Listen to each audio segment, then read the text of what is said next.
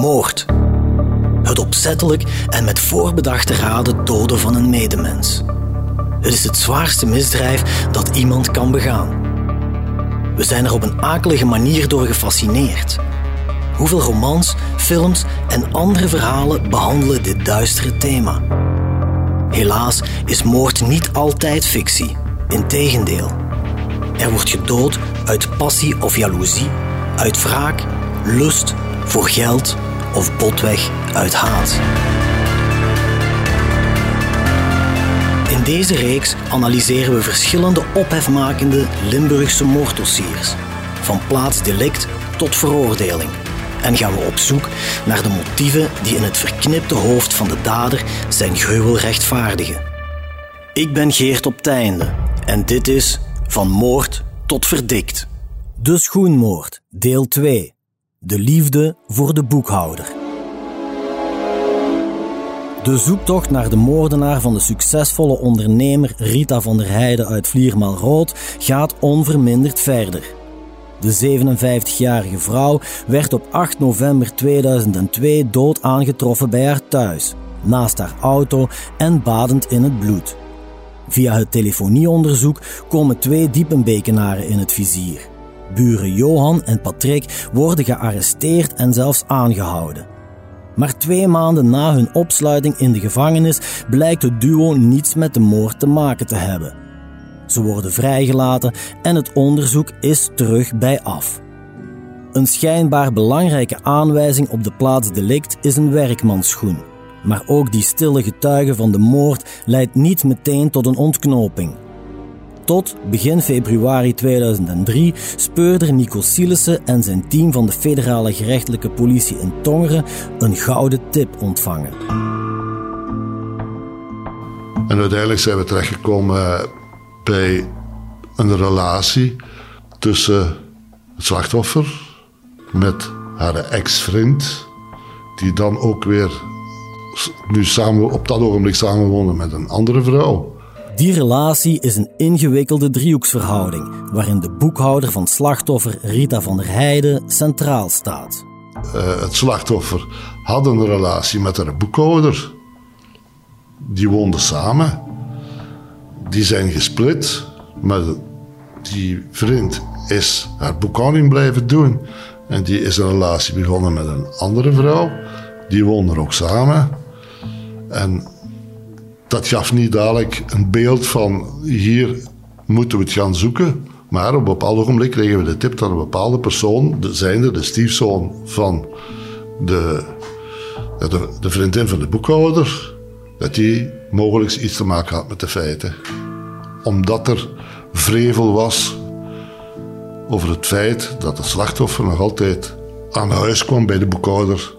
En deze vriendin kon dat niet verdragen. Zo komen de speurders uit bij Marie-Louise de Pape.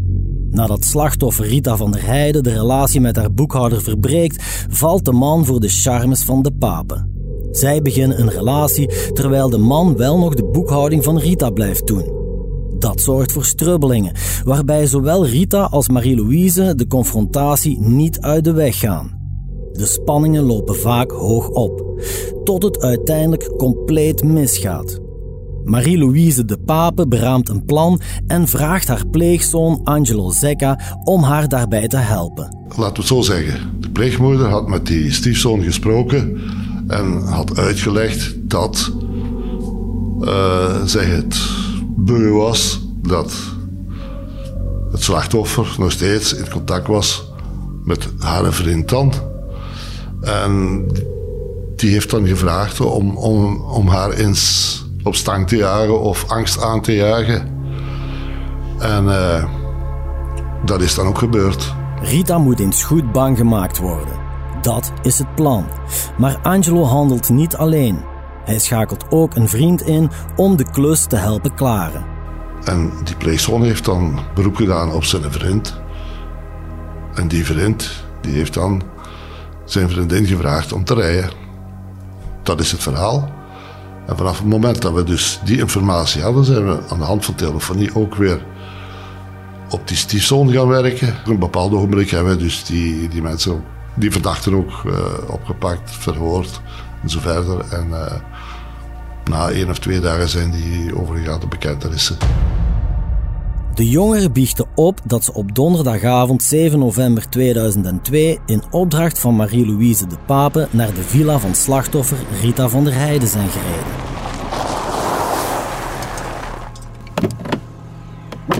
Rita is niet thuis, dus wachten Zekka en Co haar op om de vrouw te verrassen en haar een lesje te leren. Daarnaast hopen ze er rijker van te worden, want volgens de pape heeft Rita altijd veel geld op zak. Dat vertellen Bart Vosters, specialist strafrecht en advocaat van Marie-Louise de Pape en ex-speurder Nico Sielissen.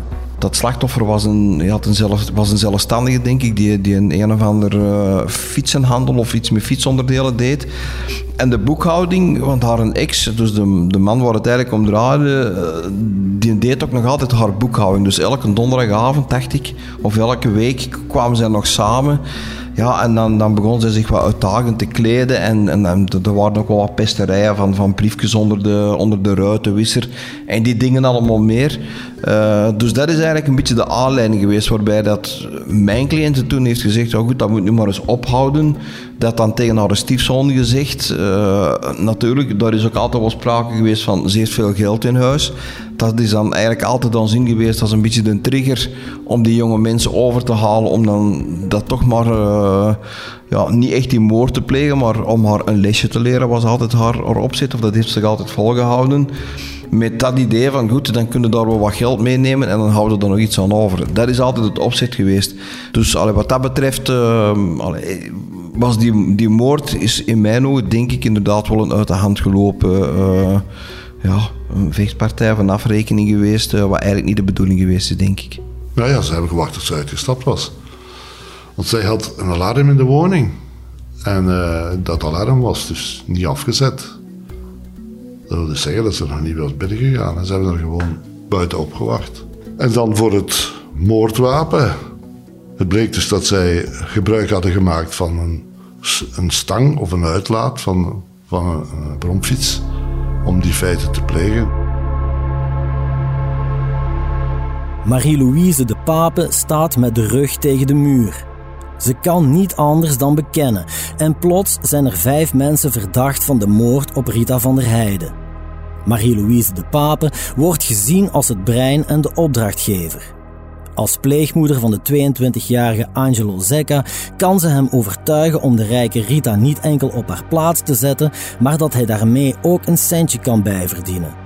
Angelo roept de hulp in van een 21-jarige vriend en diens 22-jarige vriendin met de uitlaat van een bromfiets, gekregen van een andere, een 17-jarige vriend die in een garage werkt, trekken Angelo Zecca en het jonge koppeltje naar Rita's huis in Vliermaal Rood. De 22-jarige vrouw wacht achter het stuur van de vluchtauto.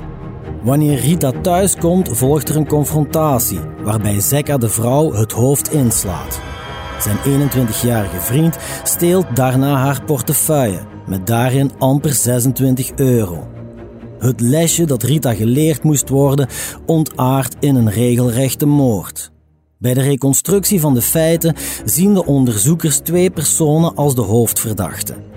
Opdrachtgeefster Marie-Louise de Pape en haar Italiaanse pleegzoon Angelo Zecca.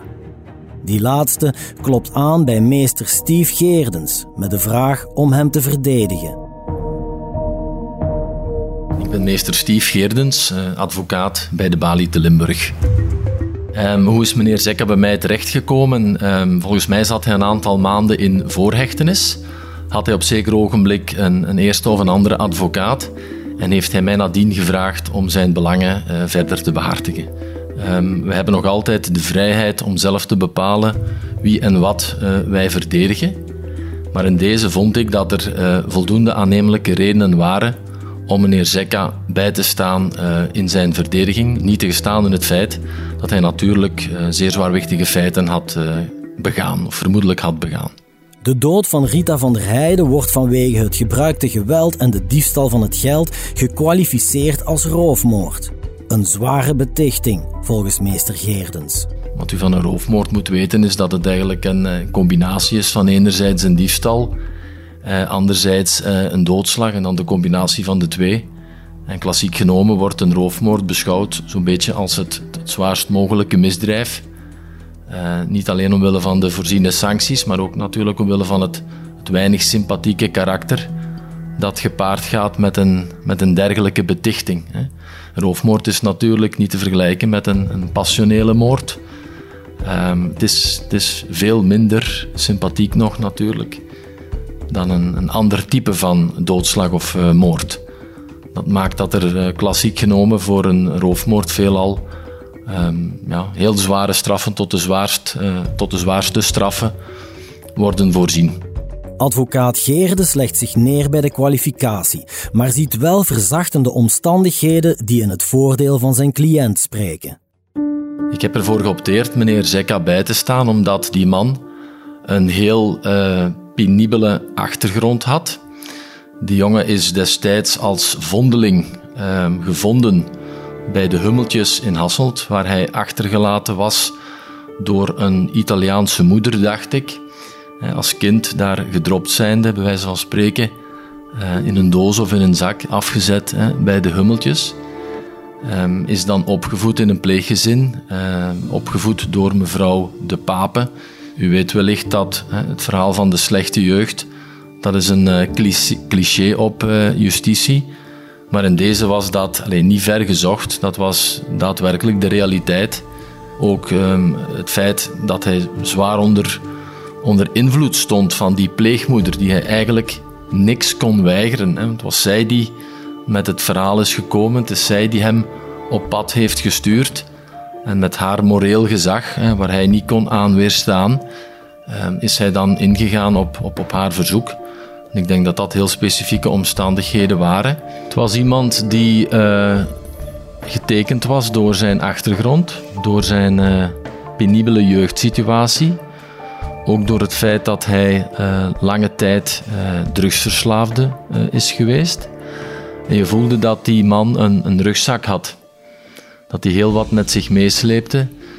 En eigenlijk dat hij te weinig ruggengraat had ontwikkeld om eigenlijk nee te zeggen tegen het voorstel dat hem is gedaan destijds door zijn pleegmoeder. Ik denk dat dat nog het meest typerende was: het gebrek aan ruggengraat, niet de kracht hebben om nee te zeggen, om je eigen keuzes te maken, om je eigen beslissingen te nemen. Dat is iets wat wel opvallend was. Ja. Advocaat Bart Vosters, die Zekka's pleegmoeder Marie-Louise de Pape verdedigt, heeft de kwalificatie wel altijd als een twistpunt beschouwd de discussie was vooral wat was de, de intentie uh, van heel die zaak? En dat is wel, uh, wel een getouwtrek geweest tot op de rechtbank, uh, waarbij men eigenlijk altijd gezegd was een roofmoord. Ehm, maar zij heeft daar altijd in gezegd, dat was helemaal mijn bedoeling niet. Mijn oorspronkelijke bedoeling was om het slachtoffer schrik aan te jagen, omdat ik haar pesterij beu was. Ja, dat is naderhand blijkbaar helemaal uit de hand gelopen, want bij de moord zelf was zij niet betrokken. Uh, en ze heeft dan de dag nadien uh, van haar stiefzoon vernomen wat er eigenlijk gebeurd was. Maar dat is nooit haar intentie geweest. In deze is dat een dossier dat mij altijd is bijgebleven. Omdat één, ja, de, de setting een beetje merkwaardig was. In die zin dat er een, een, een stiefmoeder of een moeder is die dat dan haar pleegzoon of haar zoon uh, tot die feiten beweegt. niet met de intentie om, maar alleen toch aanzet om een misdrijf te plegen die dan ook in een milieu zit waarbij het dan nog andere jongen, want uiteindelijk waren er vier andere jonge mensen bij betrokken. En dat heeft mij altijd wel, uh, wel bijgebleven, dat dit zo'n beetje een kettingreactie is geweest van ik, ik, ik, zit met een probleem, ik spreek met mijn uh, pleegzoon of mijn stiefzoon over. Uh, en ja, die heeft het dan blijkbaar dan met andere mensen over, die horen dat ook. En die, die nemen dan op een gegeven moment het besluit, goed, dan zullen wij wel eens even initiatief nemen om dat te stoppen en dat probleem op te lossen. In april 2005 gaat het proces van start voor het Hof van Assise in Tongeren. Maar liefst vijf mensen nemen plaats op de beklaagde bank. Wanneer de dochter van slachtoffer Rita van der Heijden komt getuigen, spreekt ze over de best denkbare moeder. Een verfijnde en vlotte vrouw met stijl, smaakvol en verzorgd, zonder dat ze ooit de bedoeling had om te provoceren. We hadden de dochter graag zelf over haar moeder laten vertellen en probeerden haar via alle mogelijke wegen te bereiken. Helaas hebben deze inspanningen niets opgeleverd. Het beeld dat de kennissen en de familie van opdrachtgeefster Marie-Louise de Pape ophangen is veel minder fraai. Zo vertelt meester Vosters. Die moraliteit was helemaal niet goed. Als ik kwam eigenlijk naar voren als iemand dat leugenachtig was. Uh, manipulatief, uh, ja, op geld belust, uh, een gat in haar handen. Dus dat was eigenlijk niet zo'n niet zo'n heel positief beeld dat van haar werd opgehangen. Natuurlijk, het grote probleem, en dat is een van de dingen die ik altijd uh, weer of meegeef aan een, aan, een, een jury van een Hof van Assise, dat is dat je altijd moet oppassen met wat ik zelf dan noem een, een, een, een Assise-complex of een Assise-syndroom, in die zin dat alles wordt daaruit vergroot. En dat is, ik, ik ben zelf een hele grote voorstander van het Hof van Assise, maar dat is een van de nadelen. Alles eh, wat je ooit gedaan hebt of gezegd hebt, dat wordt daar ja, maal tien vergroot. En zeker als je dan ja, niet altijd een heel goed beeld uh, van u wordt opgehangen, ja, dat wordt alleen maar versterkt. En op een gegeven moment hebben ze zo het idee van oei, die heeft nu nooit niets goed gedaan in haar leven, wat natuurlijk ook niet correct is. Opdrachtgeefster Marie-Louise de Pape heeft het moeilijk. De ochtend wanneer de getuigenissen over haar persoon zullen plaatsvinden. Er is consternatie wanneer ze bij de start van de procesdag niet aanwezig is. Herinner mij alleen nog wel dat uh, de dag dat haar uh, moraliteit uh, op het programma stond, dus wanneer het haar kennissen en, en, en familieleden over haar moesten komen getuigen, dat we daar, dacht ik, wel even wat problemen hadden. Dat we dan met vertraging zijn begonnen, omdat zij s'morgens zich onwel voelde. En dan denk dat er nog een dokter is opgeroepen om, om dat te laten nakijken. Die heeft aan haar iets gegeven om wat te kalmeren. Uh, dus daar zat zij wel heel erg mee in. Maar ik kan me er ook wel iets bij, voor, bij voorstellen. Eén, dat is niet heel leuk om één heel leven al in het openbaar uh, gegooid te zien. En dan zeker, ja, we wisten wat dat mensen over haar hadden verklaard in, in, in het vooronderzoek. En die zouden dat daar komen bevestigen. En zoals gezegd, dat was, ja, dat was niet echt heel rooskleurig allemaal. Dus dat ze daar nu niet stond te springen om uh, de vuile was uh, daar nog eens een keer uh, te moeten aanhoren, daar kan ik me wel iets bij inbeelden. Openbaar aanklager Patrick Booyen eist in zijn slotpleidooi 25 jaar cel voor opdrachtgeefster De Pape. 23 jaar voor haar pleegzoon Zekka, 18 jaar voor het hulpje, 10 jaar voor dienstvriendin die de vluchtauto bestuurde en 5 jaar met mogelijk uitstel voor de dan 20-jarige leverancier van het moordwapen. De jury acht hen alle vijf schuldig voor een aandeel in de roofmoord, maar is voor iedereen behalve Zekka wel milder in het bepalen van de strafmaat. Dat beseffen ook advocaten Bart Vosters en Steve Geerdens. Uh, als ik me nog goed herinner, had het Openbaar Ministerie uh, voor haar 25 jaar gevorderd. Dus de jury heeft er toch nog twee jaar afgedaan. En voor haar stiefzoon, die de moord uiteindelijk gepleegd heeft, ja, is men bij die 23 jaar gebleven die men ook gevorderd had. Dus daar heeft men dan toch wel een onderscheid in willen maken. Uh, en uiteindelijk, al goed, 23 jaar leek mij in deze al bij al wel een, een gepast of een redelijk, een redelijk straf. Dat zwaarder gekund, dat misschien wat minder gekund. Maar al bij al denk ik wel dat we konden leven met die 23 jaar. Zij had tot op de dag van die feiten, bij wijze van spreken, nooit niks voor gehad. Dus in dat opzicht kunnen dan wel als argument aanhalen: kijk, iemand van 57 met een blanco strafblad, zelfs geen verkeersovertreding begaan, daar kan rekening mee gehouden worden. Dus in dat opzicht is dat dan wel iets waar je iets mee kunt. Deze heeft meneer Zekka destijds 23 jaar gevangenisstraf gekregen, wetende dat hij een aantal strafrechtelijke voorgaanden had um, meen ik vandaag te mogen stellen dat die 23 jaar ja, een straf was. Rekening houdend met, nogmaals, die moeilijke context die hij als bagage met zich meedroeg. En eigenlijk nog dan een, als een milde bestraffing kan, kan bekeken worden. Het feit dat hij uiteindelijk als uitvoerder van de feiten dezelfde straf heeft gekregen als de opdrachtgeefster, niet tegenstaan in het feit dat hij een strafblad had en zij niet, um, denk ik dat maakt dat men ook rekening heeft gehouden destijds met, met die omstandigheden. Anderzijds eh, meen ik me wel nog te herinneren uit die tijd dat meneer Zekka die straf wel heeft uh, ervaren als een straf met een perspectief. En dat is een straf met een, met een eindig karakter, waar nog mogelijkheden zijn. Zeker ook rekening houdend met de, de jonge leeftijd die hij toen had. Zowel de opdrachtgeefster als de uitvoerder van de moord krijgen een celstraf van 23 jaar. De leverancier van het moordwapen moet 5 jaar brommen en het meisje dat de vluchtauto bestuurde 8. De vriend die de portefeuille van slachtoffer Rita van der Heijden had gestolen, krijgt een straf van 15 jaar. En mocht u het zich afvragen, het mysterie van de schoen die achterbleef op de plaats delict is ook opgelost. Die was van de vriend die Rita's portefeuille meenam. Ex-speurder Nico Sielissen legt uit. Die schoen is achtergebleven omdat die gast waarschijnlijk zelf verschoten geweest is en zich zo snel mogelijk uit de voeten gemaakt heeft. En die is zelfs niet meer durven terugkeren om die schoen op te pakken. Dat is het enige. Dat is als iemand in paniek en vlucht. Dat is de reden waarom die schoen is achtergebleven. En natuurlijk, uh, Angelo, de, de hoofddader, die wist dat niet. Die heeft dat niet gezien. Ja. Achteraf hebben wij ons dikwijls de vraag gesteld: waarom hebben die nu eens even in die auto gekeken?